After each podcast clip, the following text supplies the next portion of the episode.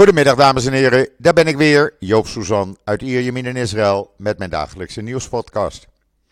Eerst maar even het weer, daar ben ik zo mee klaar namelijk. Het is uh, een graad of 14, 15, blauwe lucht, zon. Uh, we hadden gisteravond wat regen, vanmorgen wat regen. Ach, uh, het blijft een beetje af en aan. S'nachts is het nog wel koud. Vanmorgen was het ook weer 4 graden toen ik naar buiten ging om 6 uur. Maar ja, uh, nog een paar weken, dan is dit ook voorbij. Ja, en dan vandaag. Vandaag is een van de belangrijkste dagen, kan je eigenlijk wel zeggen, in de geschiedenis van de staat Israël. Uh, vandaag uh, gaat de Knesset, althans is de bedoeling, behandelen de eerste wetsvoorstellen om die in eerste lezing te brengen dan op woensdag om de gerechtelijke hervormingen te starten. Eh, gisteravond was er een emotionele, hartstochtelijke toespraak van president Herzog. Zoals alleen maar iemand kan doen met hart voor zijn land. En ja, hij stond zelfs te trillen. Ik zag zijn handen trillen. Het was een oprechte, uit het hart uh, gekomen toespraak. Waarin hij uh, iedereen opriep om tot bezinning te komen. Want het land, zei de president, staat aan, het, aan de rand van een maatschappelijke en constitutionele ineenstorting. En hij smeekte iedereen aan beide kanten van het politieke gangpad om af te zien van enig geweld. Hij was uh, diep bezorgd over de aard van de hervormingen van de regering en verklaarde, verklaarde dat hij bang was uh, dat ze de democratische fundamenten van het land zouden schaden. Maar hervorming en verandering is nodig maar eh, niet in deze rigoureuze wijze. Hij eh, heeft dan ook vijf punten opgesteld om als basis te gelden voor een compromisovereenkomst. En hij riep in het bijzonder de voorzitter van de Knesset Grondwet en Rechtvaardigheidscommissie op, uh, maar die is van de extreem, re, eh, extreemrechtse religieus-zionistische partij, meneer Simcha Rotman. Die de leiding heeft, om maandag geen stemming te houden. Nou, die Rotman die antwoordde meteen binnen een minuut dat hij dat wel gaat doen. Ja, daar valt dus niet mee te praten. Eh, laten we eerst eens even met alle partijen om de tafel gaan zitten. Stel een plan op, zei eh, president Herzog. Eh, hij zegt: Ik voel, we voelen allemaal dat we een moment voor een confrontatie staan zelfs mogelijk een gewelddadige confrontatie. En hij was daar bijzonder emotioneel in toen hij dat uitsprak. Het kruidvat staat op ontploffen en broeders en zusters staan op het punt hun hand op, hun hand op te steken tegen, broeders, tegen andere broeders en zusters. Ik verzoek, nee, ik smeek u allen, mijn Israëlische broeders en zusters, al dus, Herzog. De bedreigingen voor Israël van buitenaf zijn groot genoeg. Geweld van welke aard dan ook, en nog meer geweld tegen ambtenaren en gekozen functionarissen, is een rode lijn die we onder geen beding mogen overschrijden. En die vijf punten die hij opgesteld heeft, ik denk, en velen met mij, dat die alleszins redelijk zijn. Dat begint met de basiswet. Wetgeving, je kan het allemaal teruglezen in Israël Nieuws trouwens. Wetgeving zou het recht van het Hoge Rechtshof op gerechtelijk toezicht beschermen over niet-basiswetten. Via een meerderheid, een overeen te komen meerderheid. Het zou ook de voorwaarden uiteenzetten waarmee de Knesset besluiten van de rechtbank om wetten te schrappen kan negeren. Door middel van een meerderheid en een proces dat zal worden bepaald door dialoog en overeenstemming.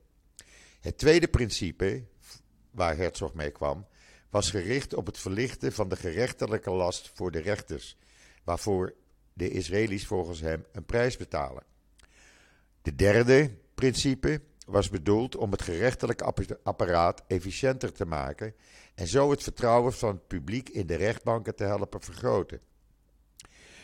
Eh, waarbij eh, hij met nadruk zei dat minister van Justitie Levin en president van het Hoge Rechtshof Esther Hayut eh, rond de tafel moeten gaan zitten om een akkoord te bereiken dat een einde zal maken aan de eindeloze vertragingen van, van gerechtigheid en onuitstuinbaar gesleep.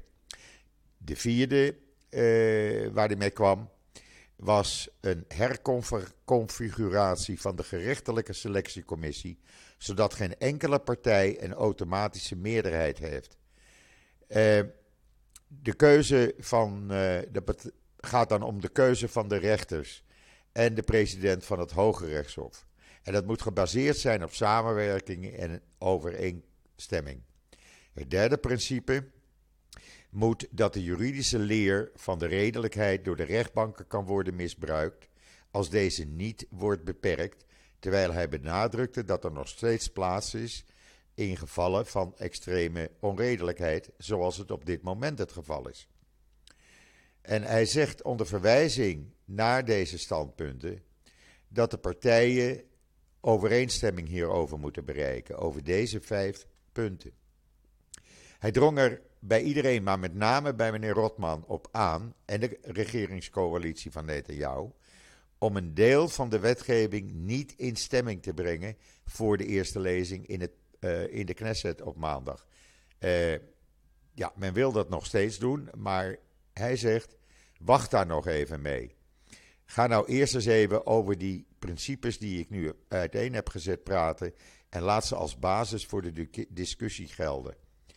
Uh, de Likud, iemand van de Likud uh, kwam binnen een minuut al met dit was onaanvaardbaar en hier beginnen we niet aan. Ja, sorry als daar totaal niet mee te praten valt. Wat kunnen we dan nog meer? Het is alleszins redelijk om hierover te praten. Uh, ga niet rigoureus te werk. Dat is eigenlijk wat Herzog bedoelde. Ik kom daar zo meteen nog op terug, want er is nog veel meer gaande op dit moment, as we speak. Ook de afgelopen nacht, want we hebben nog niet genoeg hier in Israël, reageerde de IDF eindelijk op de raketaanval uit Gaza van zaterdag.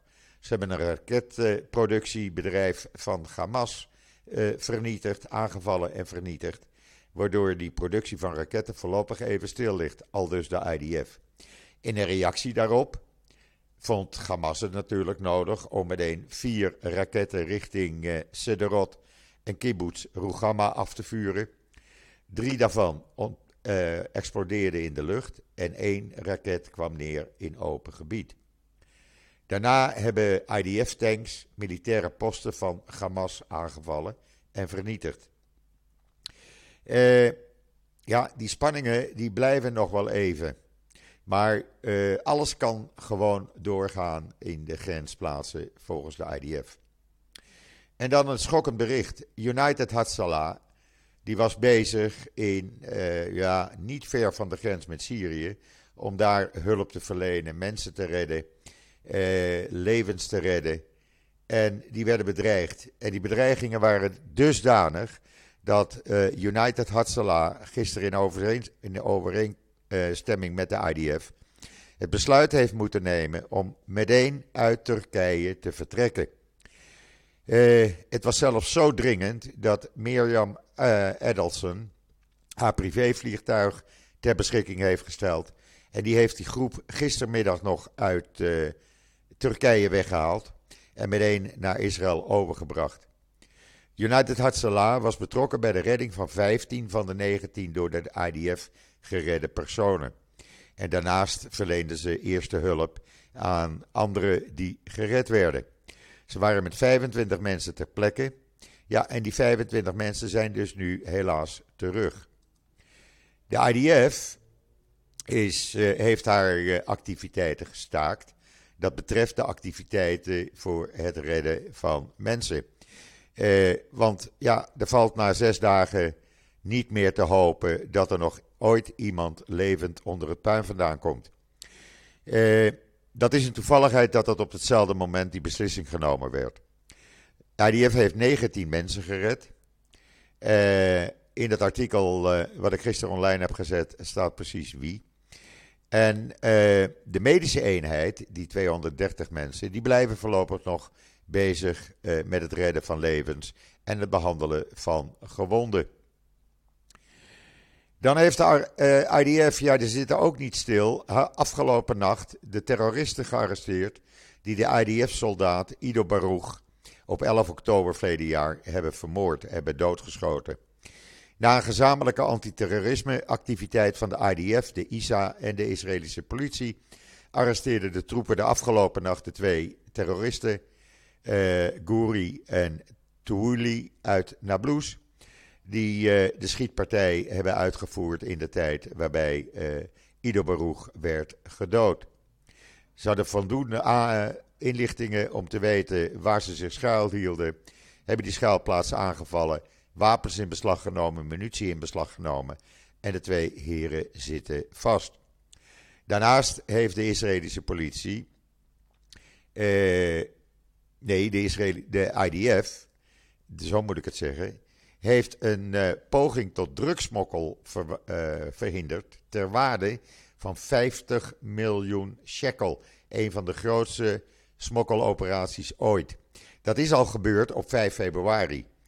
Uh, maar dat mocht gisteren pas bekend worden gemaakt. Dat is 13,2 miljoen euro aan drugs. Die uh, men probeerde uit Egypte richt, richting Israël te smokkelen. Dat is dus niet gelukt. Het hele verhaal kan je lezen in uh, Israël Nieuws. En dan heeft de Israëlische politie tientallen in een corruptieonderzoek van het ministerie van Defensie gearresteerd. En dat ging om een bedrag van ongeveer een miljard shekel. Het hele verhaal daarvan heb ik uitgebreid in Israël Nieuws gezet. Maar er zitten heel wat mensen vast en er zijn heel wat dure auto's en juwelen en sieraden in beslag genomen. Eh, daar was ook die eh, eh, Arabische misdaadorganisatie Abu Latif bij betrokken. Er zijn advocaten opgepakt, aannemers, functionarissen van de afdeling engineering en constructie van het ministerie van Defensie. Ja, het is een hele grote corruptiezaak die men heeft ontdekt. En voorlopig is men daar nog niet mee klaar. Ja, en dan die landelijke staking tegen de gerechtelijke hervorming. Zoals bekend inmiddels, ik heb het vaak genoeg gezegd, is er opgeroepen om vandaag landelijk te gaan staken. Daar doen meer dan een miljoen mensen, zover nu bekend, aan mee. Alle treinen vanuit Tel Aviv en alle bussen vanuit Tel Aviv richting Jeruzalem zitten vol. Er worden extra treinen ingezet. Er worden extra bussen ingezet. Uh, er zijn uh, mensen in konvooien van auto's onderweg. Uh, er spelen emotionele tafereelen in de Knesset af. Waarbij de oppositie is gaan zitten in die commissievergadering. Werd verwijderd natuurlijk. Uh, oppositieleden die in huilen uitbarsten, die het niet meer aankonden. Konden.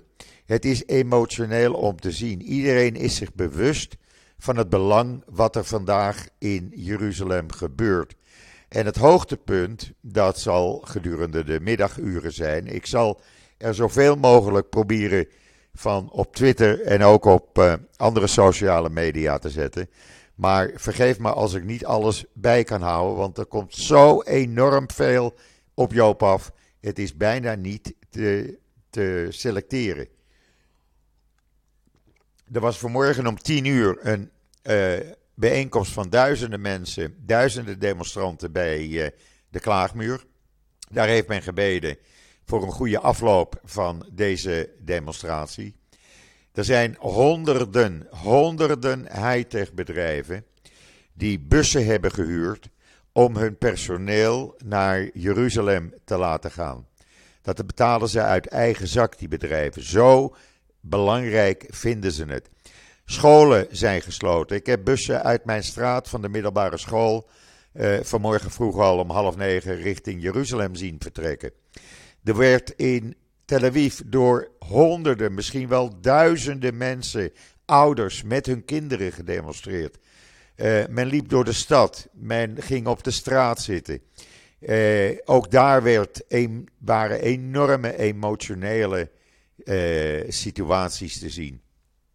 Iedereen weet zich, weet dat dit een van de belangrijkste dagen is voor de democratie van Israël. We laten onze democratie niet afpakken. Dat er uh, hervormd moet worden in het justitiesysteem, prima. Doe dat, maar doe dat in overleg met iedereen. Luister naar de economen. Luister naar de Nobelprijswinnaars. Luister naar de buitenlandse staatshoofden. Luister naar iedereen die er verstand van heeft. Naar hoofden van universiteiten. Naar uh, uh, CEO's van de grootste high-tech bedrijven. Israël is groot geworden door de high-tech. Sla dat niet in de wind, Netanyahu. Sla dat niet in de wind, Levin. Luister naar de president van Israël.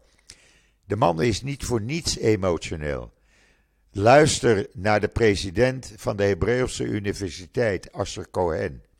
Luister naar alle veiligheidsadviseurs. Maar waarom luisteren jullie niet? Waarom willen jullie koet door om het land kapot te maken? Om het land, ik zeg het maar zoals ik het voel, om het land naar de kloten te helpen. Alleen maar om eigen belang, alleen maar om uit de gevangenis te blijven, Netanyahu. Dit kan niet. Dit mag niet. Ja, ik ben emotioneel. Ja, ik vecht voor mijn land. En ik ben niet de enige. Als ik kon, had ik vandaag ook naar Jeruzalem gegaan. En ik doe het van afstand. ik steun deze mensen. Ziekenhuizen zijn uh, op halve kracht. Gezondheidsorganisaties werken op halve kracht. Supermarkten zijn gesloten. Eh, 5000 artsen en medewerkers in de geestelijke gezondheidszorg werken op Shabbat-schedule.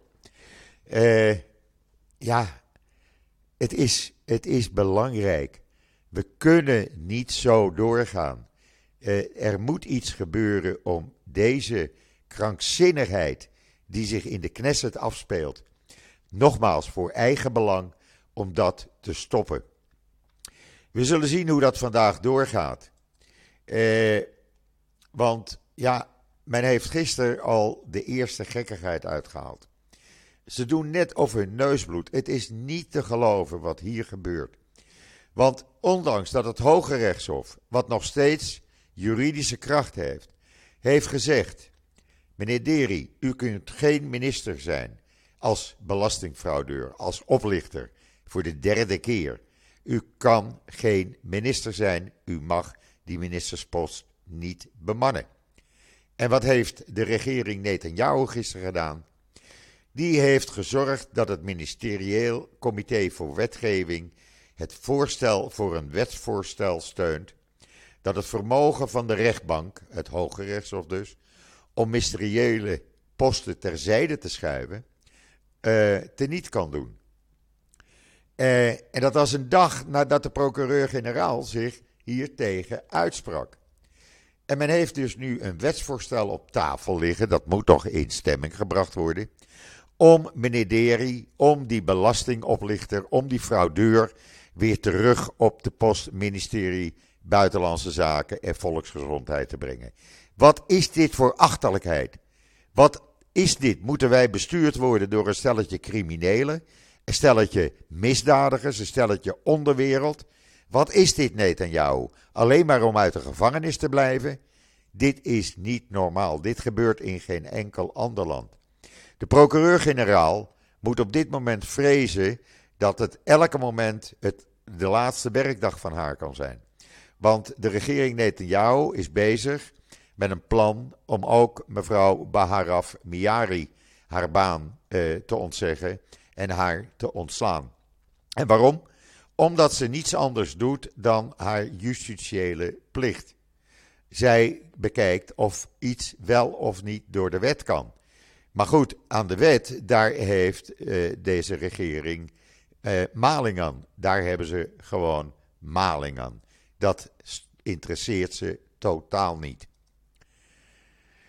Daarnaast heeft de, de regering, en dat gaat in de komende tijd heel veel ellende opleveren, zogenaamd in reactie op de terreuraanslagen, het voorstel van de extreemrechtse ministers Smotrich en Benkwier aangenomen en negen illegale buitennederzettingen uh, uh, gelegaliseerd.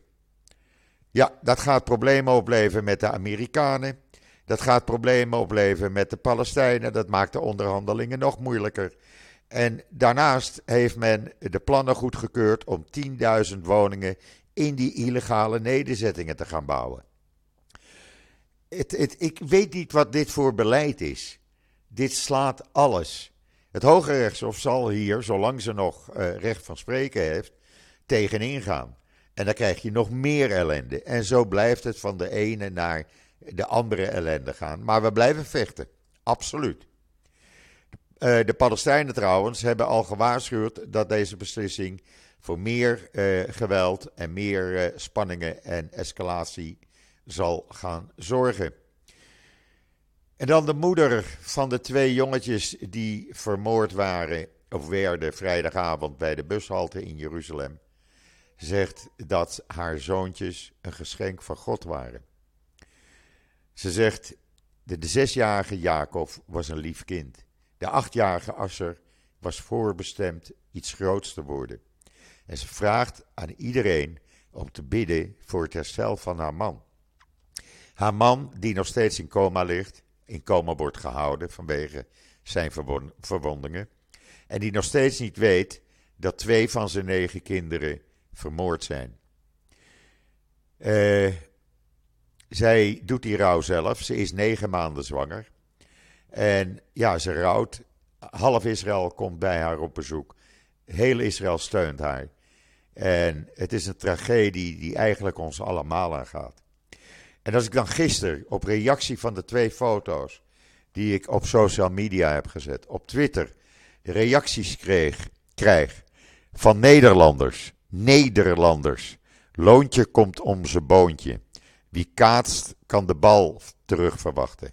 En er was iemand bij die werkt voor het parool, nota bene. Deze mensen moeten meteen hun baan ontzegd worden. Dan heb je geen hart in je donder. Dan heb je geen hart in je lijf. Als je zo reageert op de moord van twee onschuldige kinderen van zes en acht jaar. Waar, wat is de mentaliteit? Het is verschrikkelijk. Ik kan daar gewoon niet tegen. Als mensen malingen hebben dat twee kleine kinderen, die nog een heel leven voor zich hebben, vermoord worden door een of andere terrorist. Ik hoop voor deze mensen dat ze dit leed nooit, nooit zullen meemaken. En dan is er een uh, analyse in de Jeruzalem Post, en ik raad iedereen aan lees het, waarin uh, wordt gezegd dat meneer Ben-Gvir de veiligheidsmaatregelen die hij van plan is te nemen in handen spelen van de Palestijnen. En dat is gewoon zo. Die maken alleen maar het geweld nog erger. En meneer Ben-Gvir moet tot stoppen gebracht worden. Maar Netanyahu kan dat niet doen. Want als Netanyahu dat doet, dan is hij zijn meerderheid kwijt en dan heeft hij geen regering meer. Dus ja, wat doet Netanyahu? Die komt met een of andere smoes en die laat dat maar op zijn beloop. Wat hij ook op zijn beloop laat, de uh, extra belasting op suikerhoudende dranken, om vooral het suikerhoudend drankverbruik onder ultra-orthodoxen te verminderen, want daar komt obesitas enorm veel voor en diabetes. Die uh, belastingverhoging is definitief teniet gedaan. Men wil uh, liever ongezonde, ongezonde ultra-orthodoxe kinderen hebben, denk ik, dan dat men wil dat ultra-orthodoxe minder suikerhoudende dranken drinkt. Ik begrijp dat niet. En Netanyahu laat dat allemaal op zijn beloop, alleen maar om uh, een regering te houden. Ja, sorry, deze regering kan gewoon niet aan het bewind blijven. Klaar. En ik beloof jullie, ik sta zaterdagavond weer op de hoek. Ook al regent het of is het weer koud, het interesseert me niet. Ik blijf demonstreren voor mijn democratische recht, voor mijn democratische vrijheden. Want nogmaals, als deze wetten worden aangenomen, dan zijn de Israëlische bevolking haar democratische rechten kwijt.